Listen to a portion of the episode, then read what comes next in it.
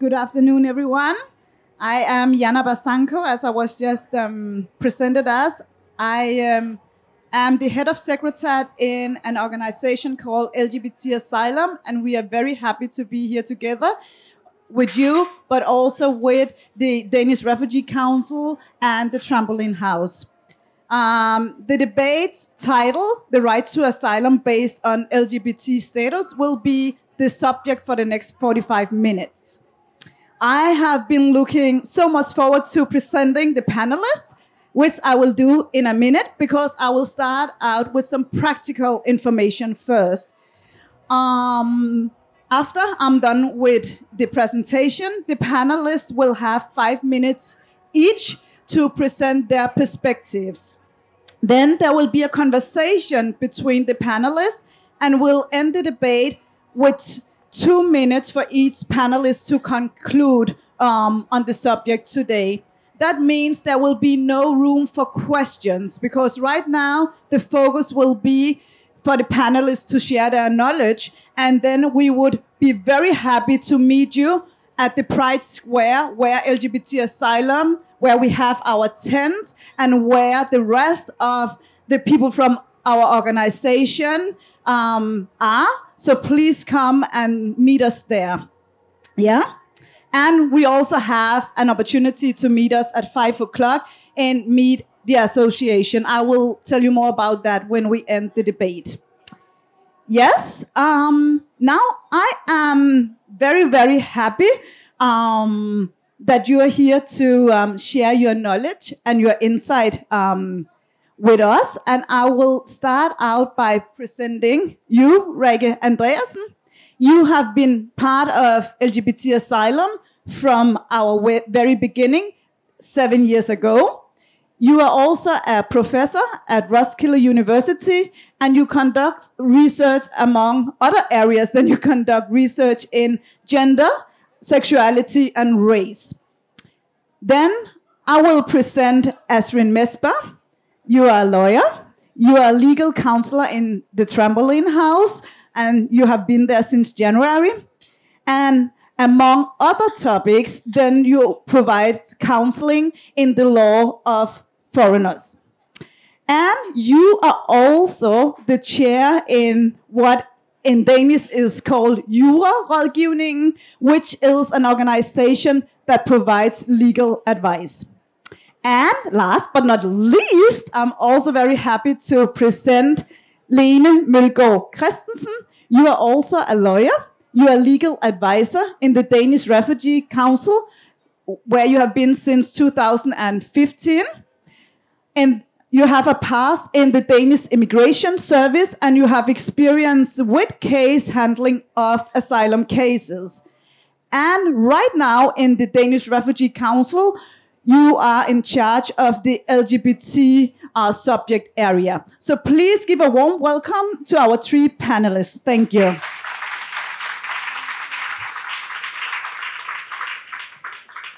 And Rikke, please uh, share your perspectives with us. Thank you. Thank you. Thank you, Janaba, and thank you everyone for coming. I just want to say that uh, because there's also music playing, the first row here is free, so if you cannot hear, move up, okay? Um, I want to talk just very briefly. So this is where the music comes and you move up so you can hear.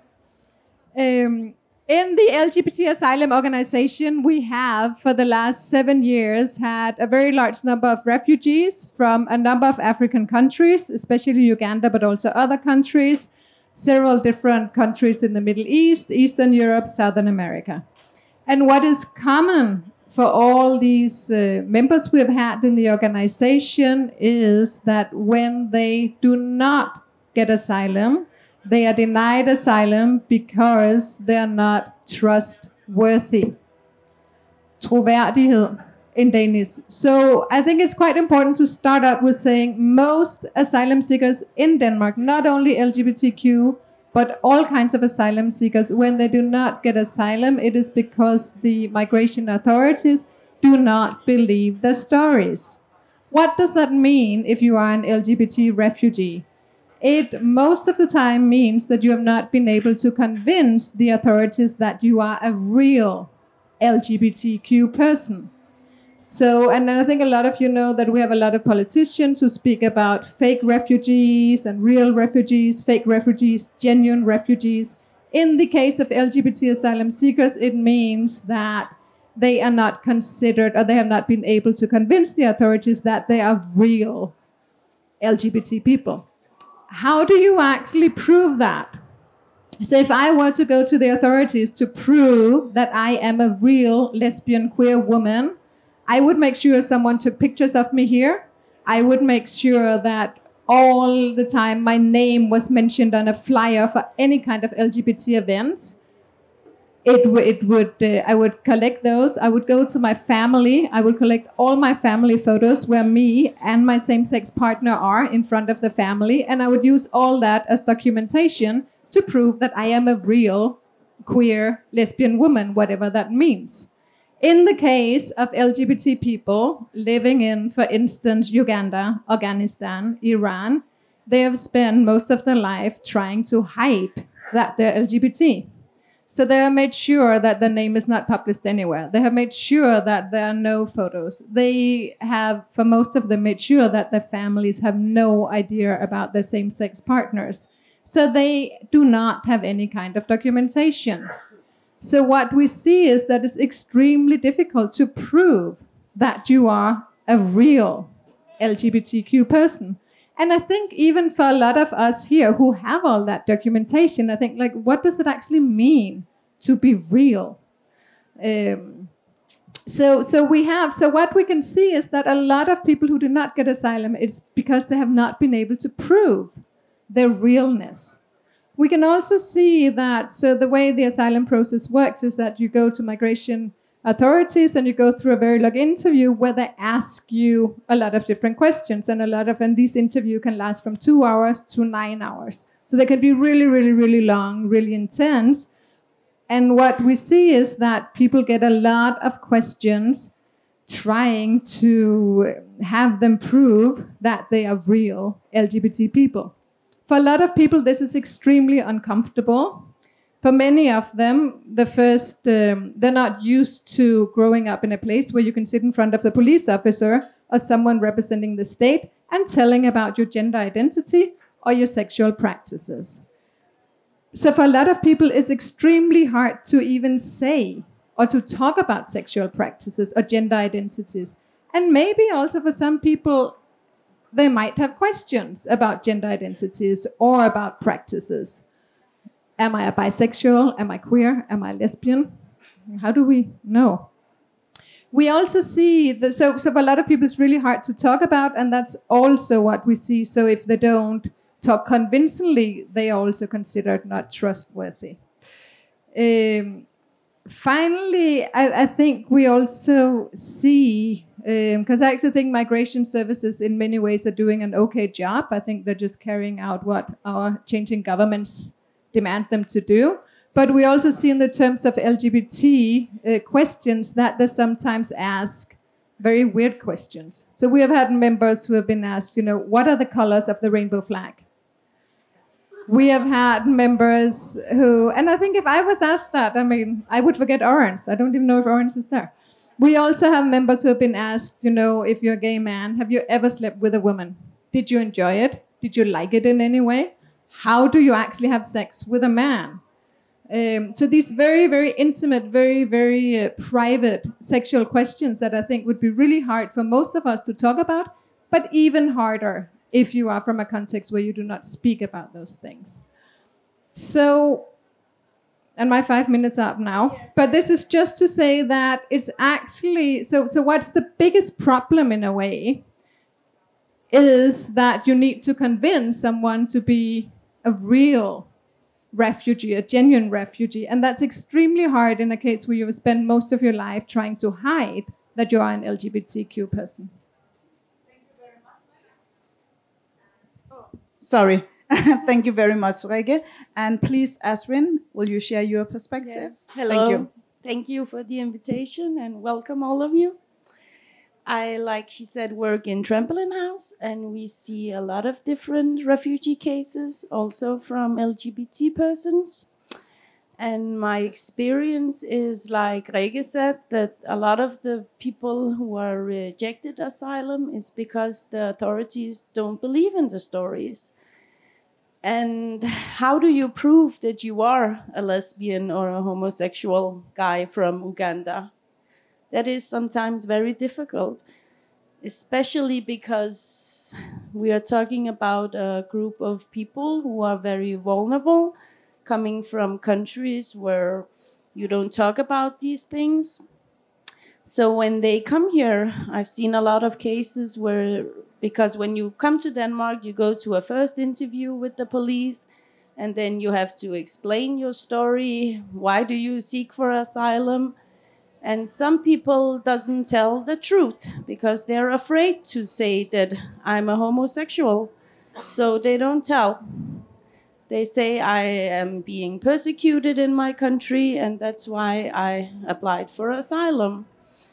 And then later on, when they've been in Denmark for some times, they experience that here the authorities are not corrupt. You can be say the truth about yourself and that you are a homosexual, and then they come for another interview, and then they will tell the whole truth that they actually are homosexual or have gender issues.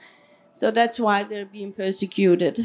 And then the authorities will say, in a lot of cases, we don't believe you because why didn't you tell that in your first interview?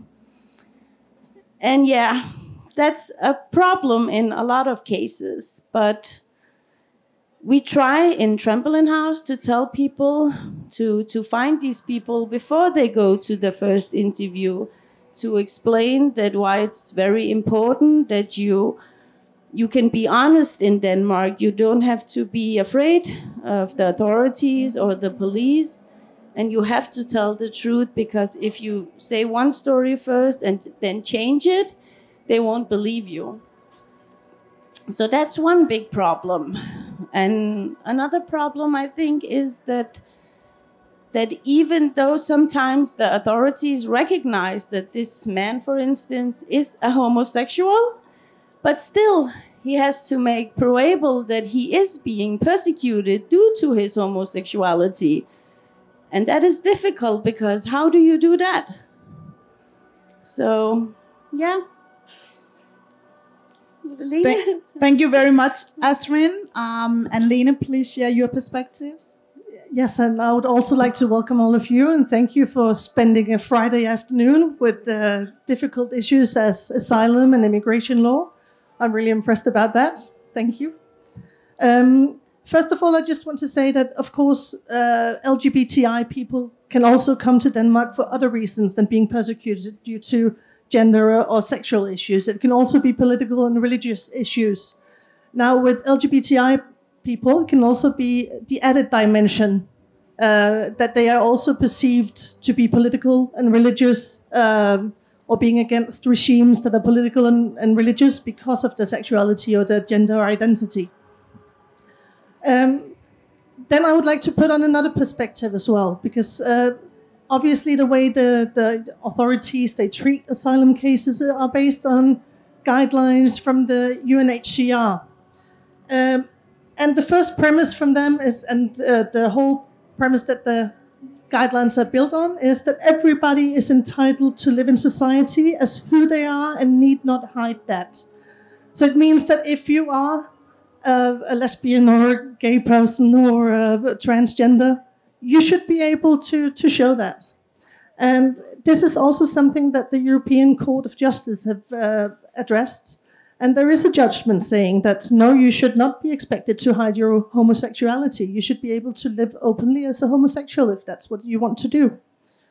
Um, now, other difficulties. We've talked about uh, the difficulties that LGBTI people they experience when they have to talk about uh, their problems, uh, and also uh, their internal process. I guess not everybody is completely uh, aware of that they are actually homosexual. Maybe that's not how they perceive themselves. So then, then that could be very difficult to explain. So there can be a lot of internal problems trying to say, why are you persecuted? Uh, then also in the asylum procedure, you're faced by a foreign person that you don't know.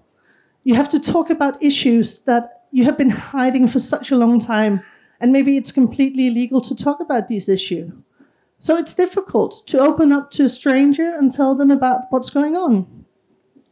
Um, another problem we see is that um, interpreters do not always know what language to use. Uh, and they may translate things uh, to try to sort of conceal uh, expressions that they might find uh, offensive. So that is also a problem that uh, LGBTI uh, applicants experience. Uh, and then, of course, there's the legal ba- uh, barrier. There's a big threshold you need to actually meet. So even if they find you credible, this can be very difficult to, to explain. If it's a state actor persecuting you, there are laws against you, there are obvious uh, punishments, then it's easy but what about non-state actors?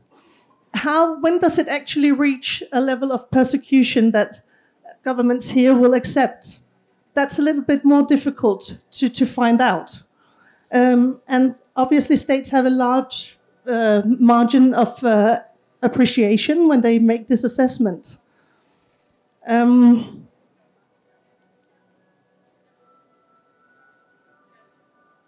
yeah. I think that's it for now. thank you very much, Lene. And thank you all for sharing your perspective. Um, do you, Rikke? Yeah, yes, please. No, I, I, would like to continue a little bit on what you talk about, Lene, with the state. So when the state is a persecutor, because our experience is that it's easier to convince the Danish authorities if it's the state that's following you. So it's easier, for instance, if you come from a country like, say, Iran, where we know that the state has a practice of, for instance, hanging homosexual men. It's a state that is the violator here. But if we look at a place like Uganda, where a lot of refugees have come from the last, the previous years, then the state might have a really strict rule giving you 14 years of prison but your biggest risk is very often your local community. So if we look at who is actually being killed in Uganda, it's because you are often killed or your partner is killed because your local neighbors or your part of your family found out that you were LGBTQ and they attacked you and ended up killing you. That's much, much harder proving. Um, and a lot of the time, it's also how do you prove that your partner was killed because you managed to escape? and get and get out. Um, so all the what what we can say more kind of like private or domestic violence is much harder to get asylum based on, and that actually has very serious consequences if we look at things like gender and sexuality, because we also see that women, for instance, are very often persecuted by rape. Um, by violence, by being forced to marry a man if, if they are um, lesbian women, for instance. Um, whereas it seems like if you are, you know, if you're persecuted because there's a war or because the state is after you, it's much easier. So, so all this private violence, which is literally killing people, raping them, and exposing them to, to really serious violence, is very, very hard to actually get protection from, and that has a really, um, it just really affects women differently than men, trans people differently than than non-trans people, and especially LGBT people from um, from other people. Yeah, and if I can just add on to that, uh, because of, often when it's a non-state actor, it will not be that they don't believe that they you are being persecuted. It's actually the threshold that's quite high. So. Um, I, I also just want to add that credibility assessment is also I mean, it's your own explanation, but it's also very much background information about this country. So, what, what does it say about uh, the community and uh, is it normal for corrective rape as it is in Uganda? Uh, that's quite, I mean, we know that that happens. Uh, so, it's not just you proving that this has happened to me, it's also background information confirming this. Um, now, UNHCR guidelines, they actually state that rape, that does constitute torture. Uh, because it's a very efficient way to, to sort of degrade people and um, yeah, to just make them feel inferior. So it's it's a very efficient uh, tool to do that to doing that. So that means that it can actually constitute persecution, um, but still the threshold is quite high. Yeah, I agree. Yes, and and and what could a, I mean, or what can a solution be? I mean, how can we work in Denmark to um, to prove um, what is happening in the countries of origin? Um, and then later on, we can talk about what other solutions we can have. But but just, I mean, how can we work with the authorities? I, I think we try to do that already, but but I think part of it is a lot of the time I think we, we when we think about working with the authorities, we think about working with migration authorities. So Udlændingestyrelsen, Flygtningenævnet. And I actually think we really also need to move one step up because it is a political decision who gets asylum, how many people we accept and who we do not accept. Um, but I think we really need to work with authorities about recognizing all the more kind of domestic and private violence and persecution as a serious risk for a lot of people. Because we also see, we also are members, for instance, for, from countries where LGBT rights are accepted in the constitution. So you'd have countries like Nepal or India where legally on paper LGBT rights are accepted, but where we still have individuals who are being forced to marry someone, who are being raped, who are being threatened to be killed, or who experience having their partners killed, who are not able to get asylum here because the country on paper give them equal rights. So I think we really need to work with our government and our institutions to talk about that rights cannot only be these kind of public conflicts, but really has to deal with very domestic issues also and the violence happening within the family and within the community. Yeah. Yeah. Asrin first and Lene. Thank you. Yeah, I agree. We have to make it to a political dis- debate because, for instance, in practice, if you go back to 2014 15, there are judgments from the refugee board where it's quite enough to just be a homosexual from Uganda. But after 2016, practice has changed a bit. Then, even though the refugee board recognized that you are homosexual, then you still have to prove that you are being persecuted due to your homosexuality. And that is a problem because how do you prove that sometimes? That's very difficult. So I think we have to fight for going back to the other practice where sometimes it's just enough to be homosexual if you're from Iran or Afghanistan or Uganda. Mm. I think uh, raising awareness, as you do in the Pride as well, I think that is one uh, very important issue as well, because it's raising awareness of the problems you can actually have when you come from countries uh, where you can be persecuted. So that is one big thing.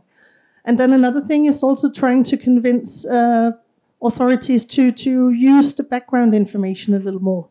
Um, I feel like they, I mean, my experience is that they are quite restrictive also in the way that they use background information.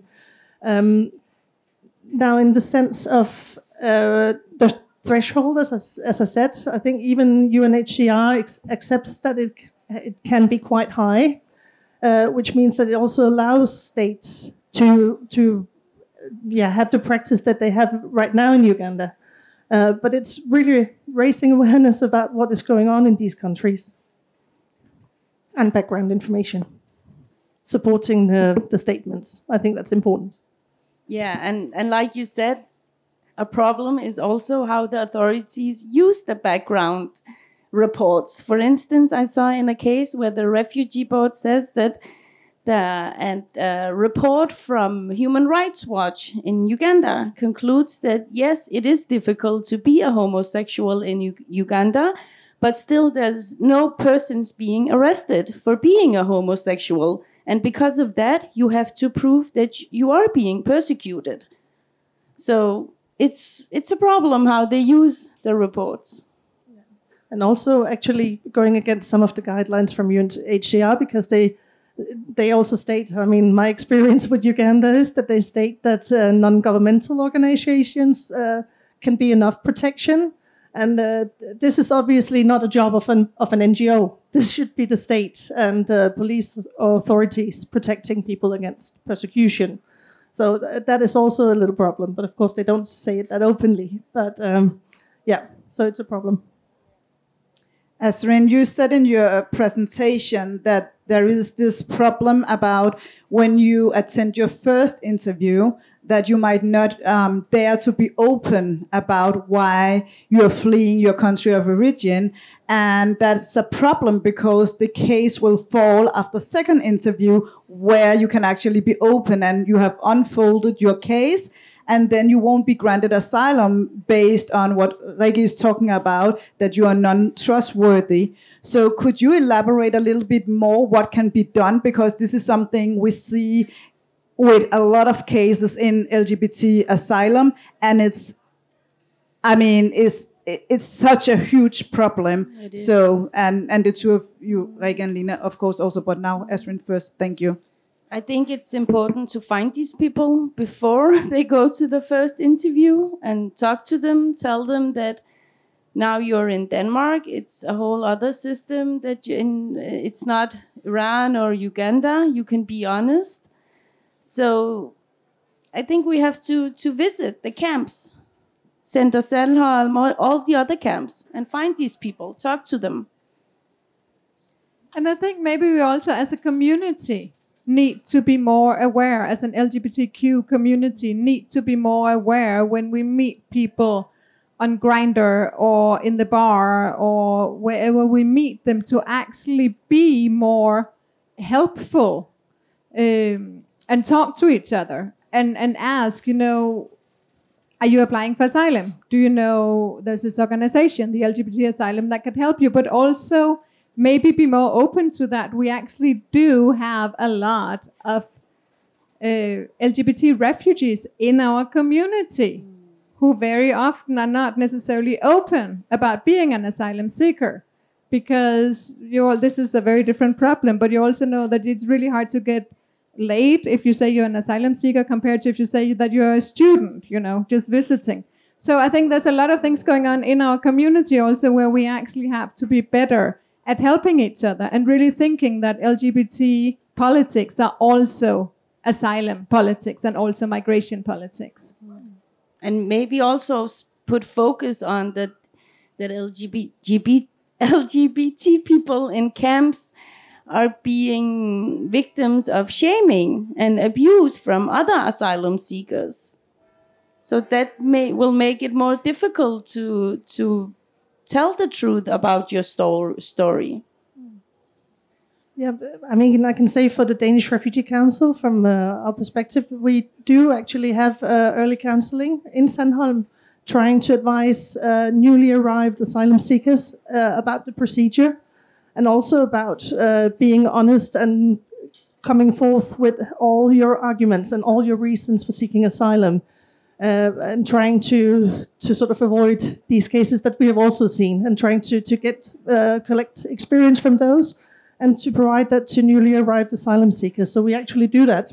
But of course, not everybody comes to these uh, courses, so that's uh, a little bit of a shame. But we're trying to always work on how do we get through to them and and reach everybody.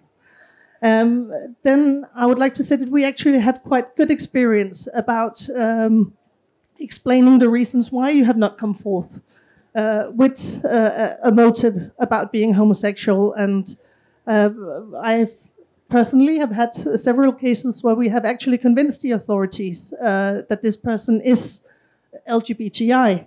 Uh, because it's so shameful, and uh, I think they also the authorities does have a level of acceptance that it is quite hard to reveal this subject. So um, I don't know. I think maybe you, you to have uh, experienced more problems with that?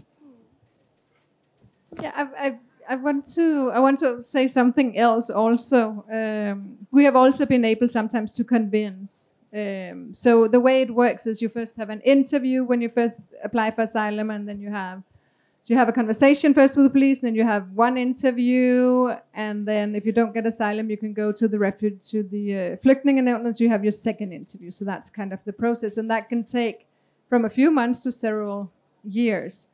Um, but but what it's because I, I don't it's I agree that yes we should try we should be better finding people right when they get to the country but I also really don't think that it's the responsibility of NGOs uh, the LGBTQ community to make sure that LGBTQ refugees present themselves in a proper way. I also think it is the institution and the migration authorities that has to have some kind of competence in LGBTQ um, people and, and different communities where they come from. So to be more open to the fact that people might have a hard time talking about sexuality. I think another issue that we also see sometimes is that where we, I think, as a community, but also if we look at the research into gender and sexuality, we for the last 15 years have talked about gender is fluid, sexuality is a practice, you can be queer, you can be non binary. But when we look to what actually happens in the asylum system, then we're kind of back to this really old fashioned understanding of gender and sexuality. Um, so we also see that in order to prove yourself, you have to live up to, in a way, a very stereotypical way of being a gay man or a transgender or a lesbian. And and there's not like there's no fluid here. There's not like it's not possible to. Um, well, I think our our practice, but also the way that activism and research have gone for for a really long time is much more flexible in thinking gender of sexuality. And then when we go to migration, we see, you know, and that's where we get the questions of if you're a gay man, have you slept with a woman? How did you like it? And if you say, yes, it was nice, then that makes you lose your credibility as a gay man. Um, so we see these very kind of like stereotypical understandings. And we also, like, we cannot document, but I think our experience is that also if you look stereotypically lesbian, it's easier to convince the authorities that you are a real lesbian if you're like a really butch woman as compared to being a little girl in a skirt. So we also see these very weird kind of like old fashioned ideas about gender and sexuality um, come into play that I think most of us would have a really, really hard time to live up to. Um, so I really think there's a lot of work to be done for the authorities and institutions also to think about gender and sexuality in a little bit broader way. Yeah, I really agree with that uh, because I also think that sometimes it's the challenge of the authorities not actually being able to uh, to do what they have to do, and which is to collect all the information uh, to reveal what the case is about. And I think uh, training of authorities uh, in techniques on how to ask about a person uh, about the sexuality. I mean, somebody asking me to prove that I'm heterosexual, I wouldn't know how to do that. So when was I aware that I was heterosexual? When was I aware that I liked sleeping with men? When I mean, all these questions just it just doesn't make any sense. Um, so I think that's uh, really uh, an important issue as well. But also being uh, sensitive, uh, because sometimes we see uh, uh, summaries that have like small clues about feeling different or you know just small clues that they could actually ask into so i think also training of authorities is a really really valid point Thank you. So um, we are getting to the point where we have to round up the debate right now. Um, so please um, feel free to share your concluding words and perspectives. And um, you have already addressed some solutions. But if you have other perspectives from your, I mean, um, positions, then please address them now. Yes? Um, you can just chip in. Mm. Lene? Yeah, uh, I mean, it's something, uh, LGBTI issues are something that we have very much uh, present uh, in the Danish Refugee Council, along with uh, female issues as well, because it's, it's kind of, it's sort of the same uh, problematics uh, that are present. Um, so we try to always uh, work with authorities, and we try to to make them cons- conscientious about uh, where the problems are, uh, and then also we try to fight on a case to case basis. Um, so that is the work that's being done with us. Um, and we just yeah try to, to create awareness and then try to do it through communication with authorities, but also um, on a case to case to case basis. I think that's that's it. Yeah, I don't I don't have any big solutions, but I think what's important um, is also to when we talk about refugees and asylum seekers, we have talked a lot about, you know, there's a war in Syria, and then we get a lot of, of people coming in from Syria. We tend to think of them as straight. We actually have had a lot of LGBTQ people from Syria coming in now also. Then we pass, we have governments wanting to pass laws about when it's safe in Syria, then you can just go back it would be a problem for a lot of people to go back. It would be extremely difficult for LGBTQ people to go back because they do not stop being LGBTQ just because a war is over. Um, so I, I, think we also really need to um, to say that if we want to fight for LGBT rights, we also really need to question current our current uh, migration policies because they're really harmful to our community. They're also harmful to a lot of other people. And that's important too. But I really think if, if to, yeah, that if I should round up with something, then it really is that thing about that LGBT rights um, in our country right now is also about LGBT rights for refugees and asylum seekers.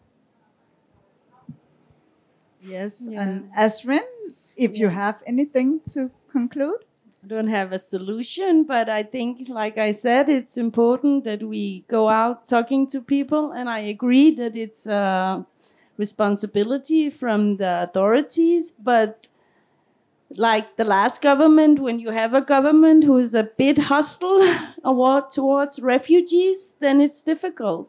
NGOs must do something. So I think that's important. And also just fighting for that that the authorities recognize that sometimes it's it's enough to be just be homosexual from Uganda or Iran or Af Afghanistan. You don't don't have to prove more than that. Yeah. Thank you very much. Now we are actually in that situation where we have five minutes left. I have never experienced that. So we're going to take advantage of that.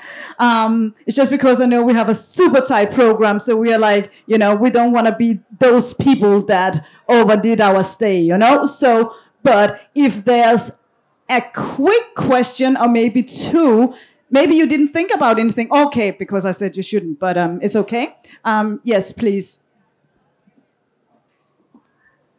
Thanks for the mic. Thanks to you guys.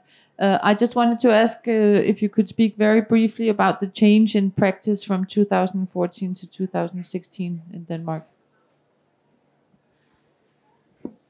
If you go back and look at judgments from the refugee boards, it's you can see clearly that at that before 2016 it was easier to get asylum because just because that you were homosexual. Sometimes it was enough you don't you didn't have to prove that you were also being persecuted.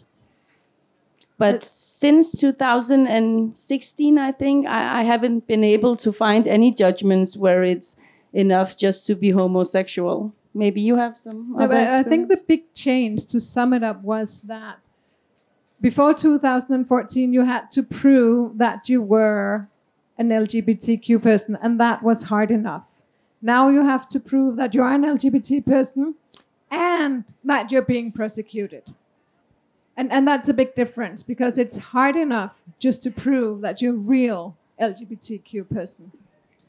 Also, the change came because um, the Ugandan uh, government they tried to pass a law actually, uh, uh, yeah, making it illegal to be LGBTI. And uh, when they rejected that law and it didn't pass, I think that also created a difference in the way that the authorities saw it. Uh, so even though the, the environment in Uganda is very hostile, and that's both authorities and community, I think it, uh, you know, that was a major factor that they did not pass that law. Yes. We have time for one more question.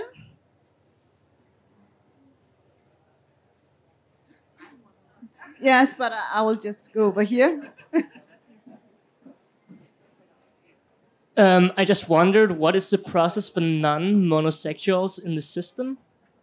If that makes sense, does my question make any sense to you? So Asylum meaning- process. Yes, or exactly.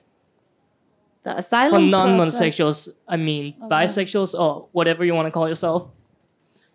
the asylum process is actually the same if, if you're a homosexual person or not or what whatever your asylum motive is you start by introducing yourself to the police then you go to Sandholmlejren then you go to a one interview and another interview sometimes and then you get a decision from Udlændingestyrelsen and if you're rejected on asylum your case will automatically go to the um, refugee board and you'll be granted an, a lawyer to appeal your case. But is, is your question what is the process for a person who identifies bisexual, for instance? Yeah. It's the same process. Uh, and we, we have people who are granted asylum because they are bisexual. But it is, as I said before, in a way, it's a very kind of um, rigid system. So it might be easier convincing people that you are real if you are gay, because you could also else argue, you know, if you're bisexual, then you might go home to your country of origin and just be with the opposite sex. Um, so it's it's but the exact same process, but and you have to prove that you are bisexual. However, you would do that, yeah.